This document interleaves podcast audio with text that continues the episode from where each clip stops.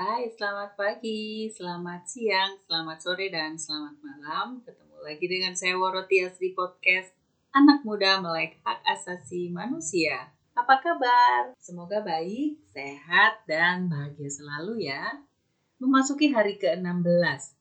Sudah lewat dari 15 hari, saya masih mencoba setia dengan tantangan dari thepodcasters.id. Hari ini tema yang ditentukan adalah mengenai mudik dan saya kedatangan tamu istimewa pada hari ini ngobrol dan berbincang mengenai mudik dan sedikit soal hak asasi manusia. Dia adalah seorang podcaster yang namanya sudah tidak diragukan lagi. Dia adalah Kak Pradipta Nugrahanto atau akrab disebut Kadipta. Teman-teman kita tahu bahwa mudik adalah ritual tahunan yang ada di Indonesia dan ritual ini seperti sudah membudaya yang jarang sekali kita dapati dari negara-negara lain. Dan sedihnya adalah ritual tahunan itu biasanya merenggut nyawa yang tidak sedikit. Jadi seperti nyawa hilang sia-sia di jalanan. Uh, fenomena ini bukan hal yang baru, tapi kita mencoba berpositif thinking atau kita mencoba berpikir lebih adil sejak dalam pikiran bahwa memang sulit sekali mempersiapkan segala infrastruktur yang membuat para pemudik itu tetap nyaman dan aman di Indonesia. Tapi itu bukan berarti kemudian kita diam saja dengan fasilitas yang seadanya atau kemudian membahayakan bagi kita semua. Mari kita dengar percakapan yang asyik ini antara saya dan Kak Dita mengenai pengalaman Kak Dita mudik dan apakah Kak Dita pernah mengalami hal-hal yang gak enak selama mudik karena fasilitas yang minim atau yang lain sebagainya juga pengalaman mudik paling istimewa bagi Kak Dita.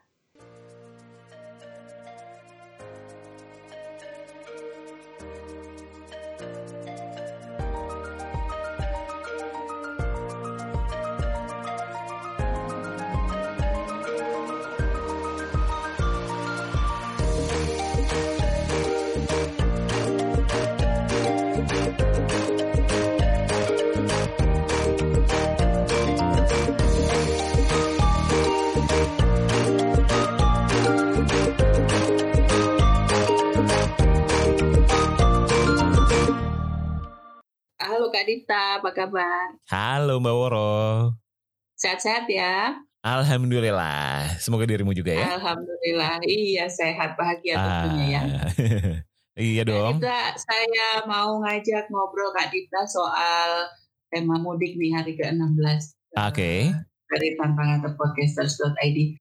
Kak Dita uh. boleh cerita dulu bagaimana apakah Kak Dita itu mudik secara periodik sampai hari ini atau Kak Dita punya cerita waktu Kak Dita masih kuliah dulu di Semarang? Oke, mudik nih ya. Mudik itu kalau ngomongin pengalaman mudik nih apa ya? Ceritanya panjang banget, Bor. jadi jadi dulu tuh ada momen ketika apa ya? Secara kita dulu waktu dulu aku kecil gitu, kebetulan jeda umur sama Ade lumayan jauh kan, tujuh tahun. Nah, di jeda tujuh tahun itu, momen mudik, mudiknya ke mana? Ke Jogja sebenarnya, kalau ngomongin mudik. Oke, ke Jogja. Karena dari Jakarta. Dari Bandung. Aku oh, dari aku dari kecil di Bandung. Gitu. Kenapa mudiknya ke Jogja? Karena sebenarnya orang tua orang Jogja. Oke. Gitu. Dan kalau kemarin-kemarin pada ngomongin privilege gitu ya, privilege mudikku itu udah didapat dari bayi malahan. hmm. karena kenapa? Mengerikan karena ini. iya, karena gini. Karena di masa itu ya, di masa naik pesawat belum semudah sekarang. Jadi bayi berapa bulan kayaknya ya, nggak belum lama lah, itu udah langsung dibawa ke Jogja pakai pesawat dari bayi. Hmm masih bayi dulu pokoknya regulasi pesawat tuh belum kayak sekarang lah. Kalau ya, sekarang kan kayak bawa bayi nggak boleh gitu kan. Iya. Uh, dulu be lebih be beda, bebas mungkin, tapi juga lebih susah sebenarnya. Hmm. hmm. karena akses naik pesawat tidak semua orang bisa gitu kan. Betul. Uh, dan karena dulu kenapa sampai di perlakukan seperti itu karena eyang kakung eyang putri itu pengen banget punya eh, anak cowok tapi nggak ada dan cucu laki-laki pertama adalah aku Oke. gitu nah Cucu karena emas lah ya. Iya, padahal cuma beda berapa hari terus lahir cucu kedua yang juga cowok. Eh, ketiga, ketiga deh, cucu ketiga yang juga cowok. Jadi cucu pertama itu perempuan, cucu kedua aku laki-laki, terus cucu ketiga laki-laki lagi. Cuman beda berapa hari gitu. Cuman ya namanya karena Tetap ya cucu pertama. Ah. Jadi gitu. Jadi eh, dapat perlakuan istimewa pada saat bayi malahan. Bayi dinaikin pesawat loh. Luar biasa. Luar biasa. Eh, eh, gitulah. Zaman itu. Zaman itu ya ya eh belum 90 lah. belum 90. Eh Ketahuan deh umur. Ya gitulah. Pokoknya armada pesawat juga masih eh, terbatas lah itu itu itu. Beberapa armadanya juga udah nggak ada. Tapi ya pokoknya itulah. Mudik pertamaku adalah itu. Kalau ngomongin mudik yang kita artikan mudik eh, ini ya, mudik pulang ke kampung halaman gitu. Iya. Itu. Nah, terus lanjut ke pengalaman mudik lain itu eh, karena dulu kebetulan orang tua kan di Bandung. Eh, jadi kita tiap liburan lebaran itu pasti sih. Lebaran itu pasti mudik ke Jogja. Kak Dita biasanya menggunakan moda transportasi apa? Nah, ini yang yang menarik nih. itu. yang menarik ada ada beberapa fase lah. Dulu waktu zaman apa? Zaman masih balita sampai TK, kita selalu pakai mobil. Pakai Oke. mobil karena eh yang menarik adalah dulu mobil mungkin masih barang mewah kali ya buat sebagian iya. orang gitu. Sama dengan naik pesawat tadi. Dan kebetulan karena dua orang tua dulu kerja dua-duanya gitu di Oke. Ah, ah, di salah satu BUMN lah gitu ya. Mm-mm. Eh, jadi secara finansial kita dulu aman banget gitu. Iya. Anak cuma satu, ya pokoknya bisa kebutuhan duniawi bisa tercukupi dengan Dengan baik lah. dengan baik benar karena ya banyak lah privilege yang orang lain tidak punya kendaraan barang-barang elektronik yang mungkin orang ini apaan ya dulu gitu orang nonton TV aja masih bareng-bareng kan dulu gitu Betul. Nah, kita udah punya TV sendiri eh, punya VCR kayak gitu Eh, kalau ketinggalan siaran TV udah bisa di record nah sampai Betul. urusan mudik ini urusan mudik ini eh pakai mobil mobilnya VW Kodok kuning warnanya Waduh, masih ingat ya? Masih ingat karena itu mobil yang berkes sebenarnya mobil pertamanya bapakku yang sayang banget kenapa sampai dijual dulu sebenarnya. Kalau dipikir sekarang ya, dulu Iya. maintenance-nya VW itu mahal.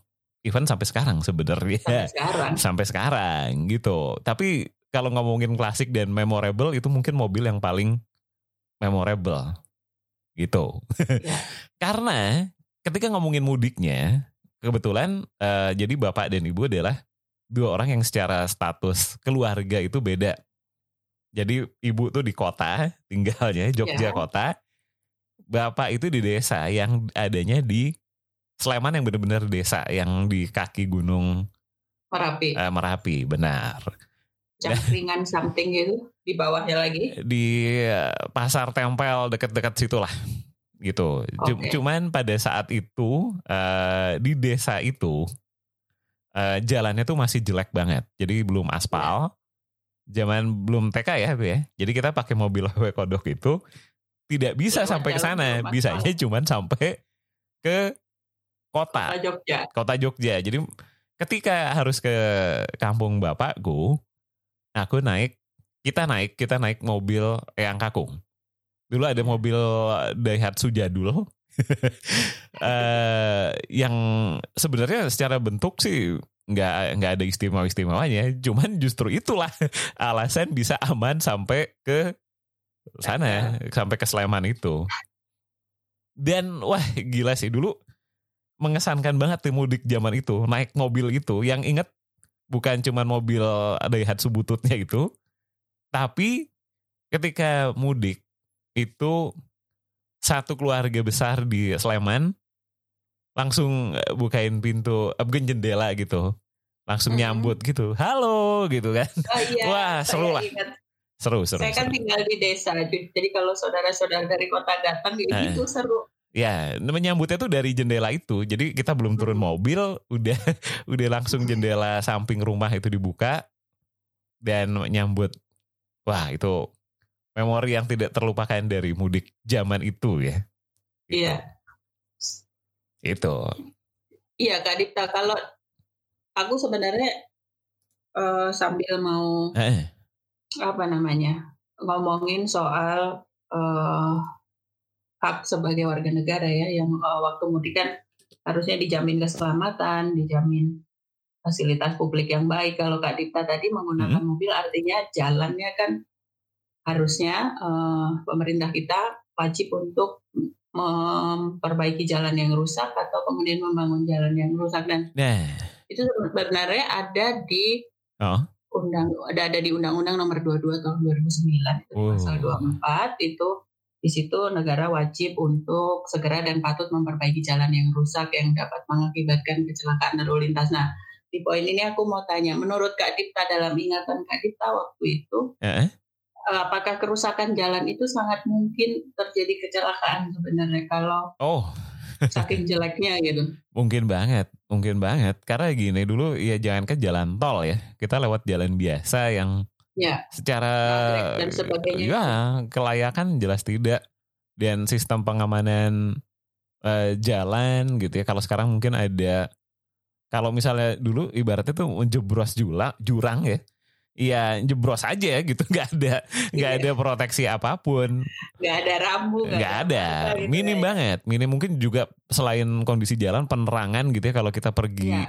di malam hari atau udah gelap sedikit aja udah udah cukup mengerikan lah Iya. itu iya kalau kalau ngomongin itu iya itu sih Eh, terus kan tadi karena Kak Dipta ngomong soal penerangannya di pasal berikutnya kan juga dikatakan sebenarnya lalu lintas perjalan itu perlengkap kelengkapan jalan itu salah satunya adalah tadi ada marka, ada rambu, Oke.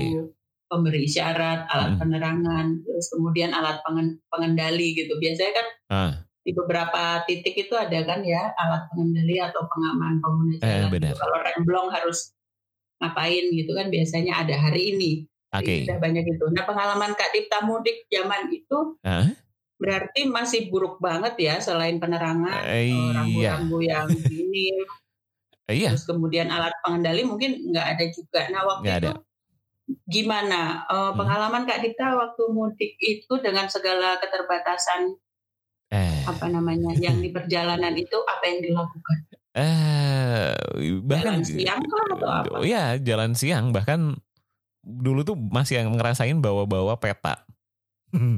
Oke. bawa peta karena kalau misalnya ya oh, mungkin orang tidak se kalau sekarang nyasar dikit bisa pakai Google Map gitu ya. Oke. Kalau dulu bener-bener eh, bawa peta lah. Ada momen Ya. bawa peta inget banget karena siapa tahu tiba-tiba di tengah jalan ada pengalihan jalur atau gimana kan kita nggak tahu ya. Iya. Atau tiba-tiba macet parah banget dan harus pakai jalur lain. Ya satu-satunya cara Hmm. adalah ngelihat peta itu. Bawa kompas dong Kak Dipta. Ah, kayaknya nggak. Kalau bawa kompas enggak. Enggak. Eh, itu. Tapi sayangnya sampai sekarang sejujurnya aku tidak bisa baca peta. tidak bisa. Heeh. Iya. Sama itu adalah eh, apa namanya membutuhkan skill khusus itu membaca peta itu. Eh, Iya, baca peta susah. peta buta apalagi. Kayak gitu. Iya, ya. Tapi gini, SD. mm-mm, kalau kalau ngomongin yang dilakukan pada saat itu, ya seperti itu kita eh, tidak merasa itu sebagai suatu yang berat gitu. Jadi tetap asik tetap aja ya. asik aja malah malah lebih asik zaman itu dibandingin zaman sekarang yang udah mungkin lebih ya lebih apa ya Semuanya gampang. semuanya gampang gitu lebih lebih kalau ngomongin lebih seru lebih seru zaman itu ada keseruannya tersendiri lah Mm-mm. gitu Terus Kak Dipta, kalau Hah? apa namanya uh, mudik kan Kak Dipta dengan orang tua ya Kak Dipta? Dengan orang tua. Uh -uh. Uh, nah terus apa namanya? Kalau tadi lebih seru menggunakan peta, terus uh -uh. juga ada nggak yang menurut saya kok saya kebayang karena dulu saya pernah dari Klaten ke Jakarta gitu. Uh -uh. Berhenti nanya-nanya gitu nggak Dipta? Oh, Oke, okay. ini eh Iya, tapi karena udah biasa ya, jadi mungkin karena bapak aku ini banget gitu, ya, dia orang yang mungkin nggak perlu nggak perlu apa ya gak banyak nggak perlu banyak ngulang buat menguasai sesuatu.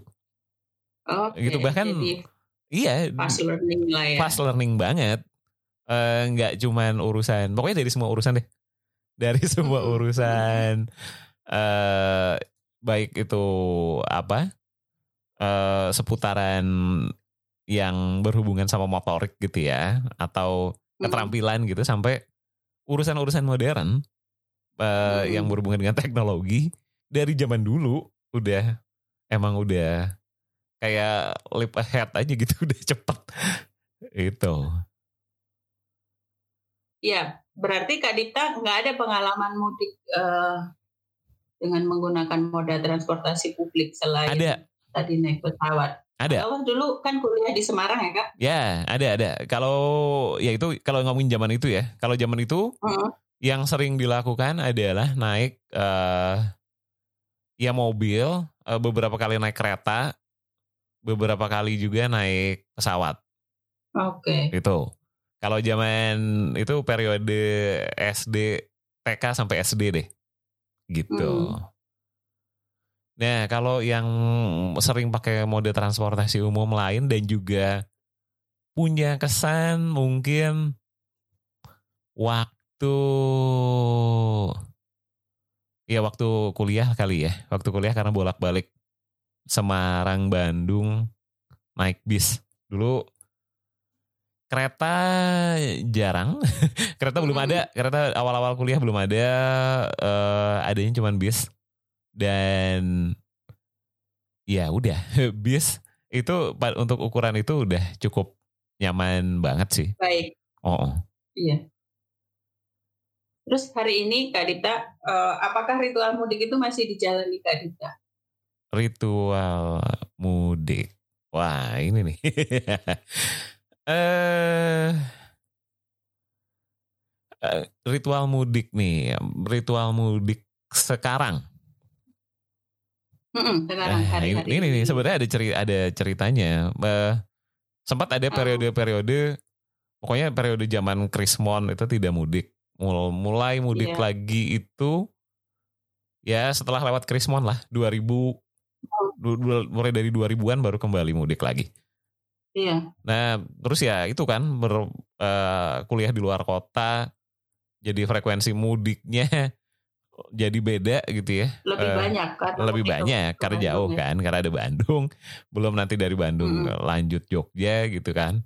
Uh, itu juga ada lah yang kayak gitu kayak gitu. Uh, hmm. Beberapa kali ngerasain kayak gitu. Nah, tapi mudik itu makin ke sini frekuensinya makin berkurang. Ya. Makin berkurang jauh. E, karena gini, e, ya karena satu faktornya adalah orang tua makin tua. terus yang, ya. e, e, terus ya, yang dikunjungi di sana juga udah tidak sebegitu apa ya? Mungkin urgensi untuk mudiknya jadi bisa dibilang nggak ada hampir bukan nggak ada ya makin berkurang berkurang dan berkurang gitu jadi waktu ketika Masih yang hari ini? Yang kakung udah nggak ada uh, hmm. yang putri udah nggak ada keluarga dari bapak udah juga udah mulai nggak ada. Jadi malah mudiknya itu terjadi cuman karena bukan kadang-kadang nggak di momen lebaran. Karena misalnya okay. sebelum itu ada yang meninggal misalnya kita ya udah sekalian pulang kampung deh gitu. Tapi beberapa bulan kemudian lebaran ya tentu saja pas lebaran tidak pulang lagi gitu kan uh, ya yeah. uh -uh. nah terus uh, ini mau masuk ke pengalaman mudik paling berkesan atau nanti dulu aja Paling berkesan loh. Eh? Karena tadi aku pengen nanya apakah ritual mudik itu masih dilakukan sampai hari ini? Oke, okay, ada hubungannya, ada hubungannya. Kalau ya. sampai sekarang masih, tapi uh, udah beda sih. Ritualnya juga udah beda gitu. Bukan yang hmm. kalau dulu mungkin kita mudik untuk ses, uh, menyambut kebahagiaan gitu ya. Kalau hmm. sekarang uh, lebih ke kita mengingat orang-orang yang dulu perhada gitu. Iya. Itu. Kak Dipta sendiri kalau mengunjungi orang tua uh, nggak mudik ya karena ada di dalam satu lokasi kan? Enggak, kan sekarang orang tua udah tidak ada semua. Jadi mudik paling oh, okay. memorable Sorry. buat uh, eh, yeah. diriku adalah ketika bukan dengan kendaraan mewah Tapi justru mudik dengan ambulans. hmm, gitu. Karena iya itu tadi uh, mengantar ke tempat peristirahatan terakhir. Jadi itu ya mungkin kalau ngomongin mudik sebagai pulang gitu, mungkin itu sih yang dan terjadi dua kali ya uh, dua-duanya yeah. sama sama ini sih sama dramatisnya lah kalau diingat-ingat lagi gitu. Iya. itu. Jadi itu berkesan dan itu ya apa namanya sendu apa sedih tapi itu berkesan karena Kak Dipta mengantarkan oh, iya. kedua orang tua oh. di peristirahatan terakhir itu. Iya. Di dalam satu mobil lah ya. Iya, di dalam satu mobil. Sebenarnya kalau ibu lebih ya lebih kalau ngomongin apa ya kesannya lebih berkesan lebih dalam gitu. Karena eh waktu last minute ketemunya itu udah udah di saat dia nggak bisa ngomong lagi. Dan pas nganterinnya nganterinnya itu kita pertama kali ngurus eh, mudik dengan pesawat tapi juga hmm. kita ke Jakarta dulu ya karena harus ngurus kargo jenazah. Betul. Dulu pengalaman ngurus kargo jenazah untuk uh, pertama kalinya di tengah hujan yang luar biasa gede, nggak pakai payung, nggak ada, nggak kepikiran bawa payung lah orang tiba-tiba hujan yeah. gede dan itu waktu mau banjir gede Jakarta tahun 2013 yang sampai apa Grand Indonesia tenggelam itu. Mm-mm. Itu.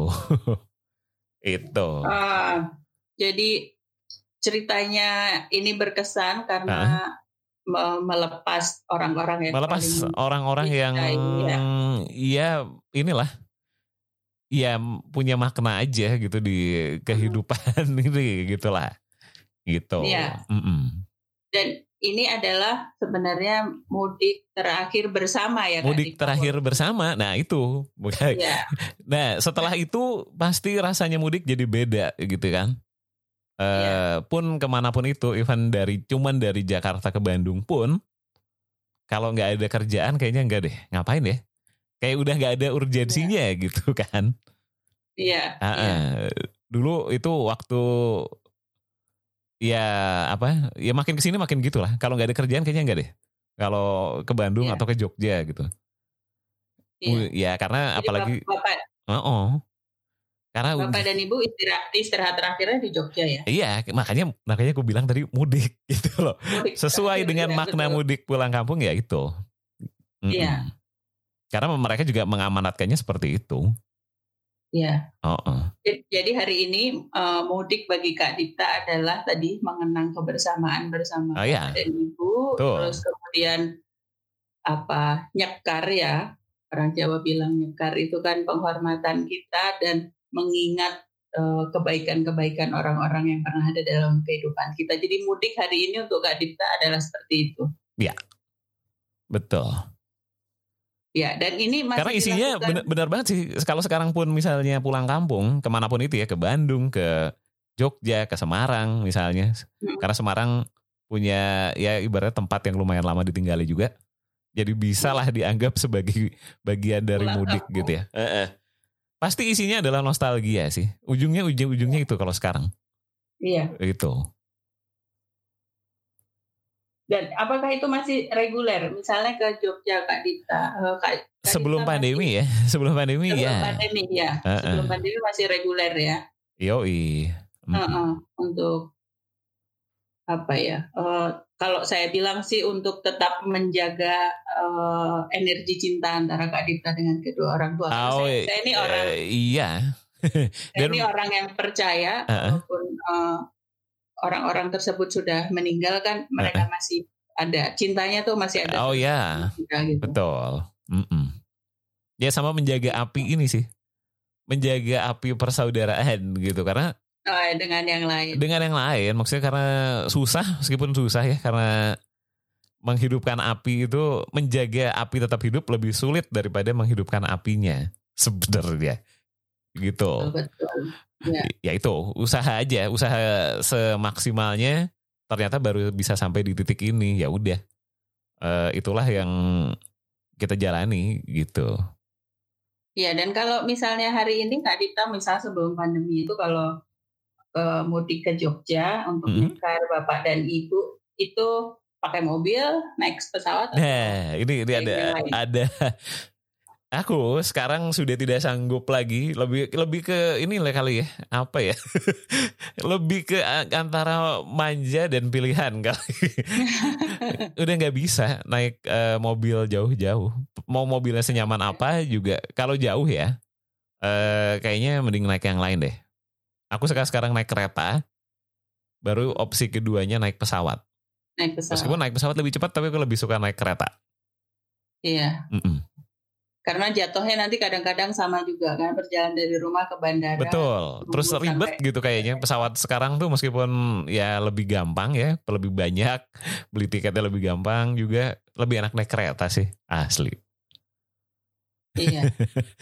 Gitu. Aku mau pendapat Kak Dita soal ini moda transportasi publik untuk terutama kereta lah ya. Hari ini kita tahu bahwa jauh lebih baik zaman dulu kita kita saya kuliah Ah. itu kan masih campur dengan berbagai macam hal gitu. Oh iya, tenang aja, Mbak. kan.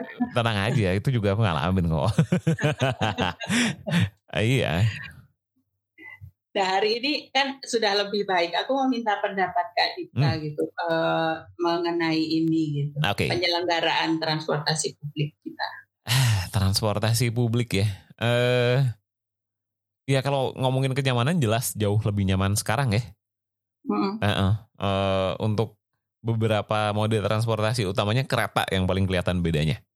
Mm. Kereta tuh dulu, wah ibaratnya eh jangan nyari kenyamanan di kelas eh di bawah bisnis ya bisnis aja nggak nyaman gitu gitu. Karena dulu ada momennya ketika lebaran itu selalu ingat eh, omongan orangnya kalau lebaran bisnis jadi ekonomi eh ekonomi udah nggak karu-karuan eksekutif jadi bisnis. Dulu ya dulu. dulu. kayak turun grade satu kelas ketika lebaran tiba gitu. Dan momen Hmm. mudik itu tadi lagi balik-balik. Eh di kereta sih paling kelihatan ya. Kalau mode transportasi lain mungkin tidak sekelihatan itu dan oh ya tapi ingat dulu pernah ngerasain harus berdiri di bis selama tiga jam dari Jakarta ke Bandung karena udah kemapetan pulang menuju hari Lebaran nggak ada Mm-mm. mode transportasi lagi yang Dan ada cuman berdiri. cuman bis doang dan harus berdiri Hmm. Eh. Luar biasa. Pernah nggak Kak Dipta ngalamin naik kereta tapi duduknya di toilet? Heeh. Eh, di toilet nggak kebakiran juga sih duduk di toilet Dulu kan tiketnya sembarangan yang nggak ada tempat duduk. Saya pernah dari Bandung juga Heeh. mau balik ke Klaten. Udah nggak ada tempat duduk, tapi kan semua orang dipaksa bisa masuk. benar Ya udah duduknya di toilet itu. oh Barang-barang. Jadi saya tuh hari ini kalau ingat Heeh. itu, aduh saya nyerobot haknya orang ya kalau lagi Ah, toilet. oke. Mereka nggak bisa gitu. eh Nah, anyway mbak ini kayaknya Hah? suara dari masjid bocor deh Eh, nggak tahu dari belakang kayaknya suara ajan mau masuk nih mau di pause dulu apa kita lanjut aja Lanjut aja kali ya. kemarin Lanjut aja. juga aku ada yang suara azan ah ya udah aman Oh, aman aman aman aman. ya udah oke lanjut kalau gitu Gimana? Pernah nggak itu naik moda transportasi publik yang dulu gitu eh, di tempat-tempat yang nggak layak lah nyerobot hak orang lain, misalnya di toilet karena kalau nggak Uh-uh. di toilet nggak ada tempat duduk. Karena di gerbong semua orang udah duduk di bawah sampai dulu kan suka ada yang berdiri-berdiri sampai di pintu itu padahal jarak jauh misalnya dari Jakarta ke Jogja atau dari Bandung ke Jogja itu kan banyak banget yang Banyak begitu. banget dulu. Eh, tapi yang paling epic ya eh, dulu itu ada tukang tukang eh, dagangan di atas di atap kereta, Betul, saya juga ngalamin itu. iya kan? Nah itu. Mm. Heeh. Pemberani sekali orang Indonesia. Luar biasa, luar biasa dan gimana caranya ya naiknya? ya? luar biasa lah itu. Eh, Iya, Kak Dita ini mungkin bagian terakhir gitu. Kalau Oke, tadi Kak Dita, Kak Dita tadi sudah situasi Mm-mm.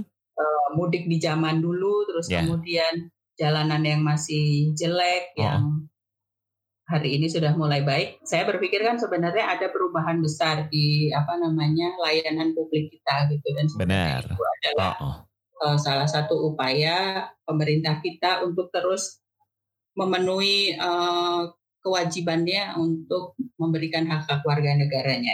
Oke. Nah. Oh, oh. Nah, saya mau satu penutup dari Kak Dita Oh, oh. eh, soal mudik ini, bagaimana biar nanti bentar lagi mudik nih mudik akhir tahun, teman-teman bisa mudik dengan nyaman dan aman. Mudik akhir tahun ya.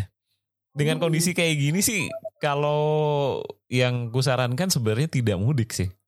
Tidak mudik dulu ya. Tidak, tetap tidak gitu karena eh, hanya akan menimbulkan masalah-masalah baru gitu. Jangan sebenarnya pengennya gini ya. Eh, aku sangat pengen merasakan sensasi mudik yang membahagiakan seperti zaman kecil dulu. Gitu. Mm-mm. Dengan kondisi kayak sekarang yang kita udah udah eh terlanjur apa? eh udah terlanjur ada kondisi kayak gini gitu. Jangan diperkeruh lagi lah dengan eh, eh, dengan tadinya mau pulang kampung untuk Senang-senang. senang-senang malah jadi apa jadi ya bisa jadi inilah jadi malah petaka gitu Jadi masalah baru saya Cuma, ini juga, eh, eh. saya, karena saya harus mudik kan akhir tahun. oke Tapi ya saya saya menggunakan protokol lah. Saya harusnya kan pakai rapid bisa, ya saya Eh. rapid besok.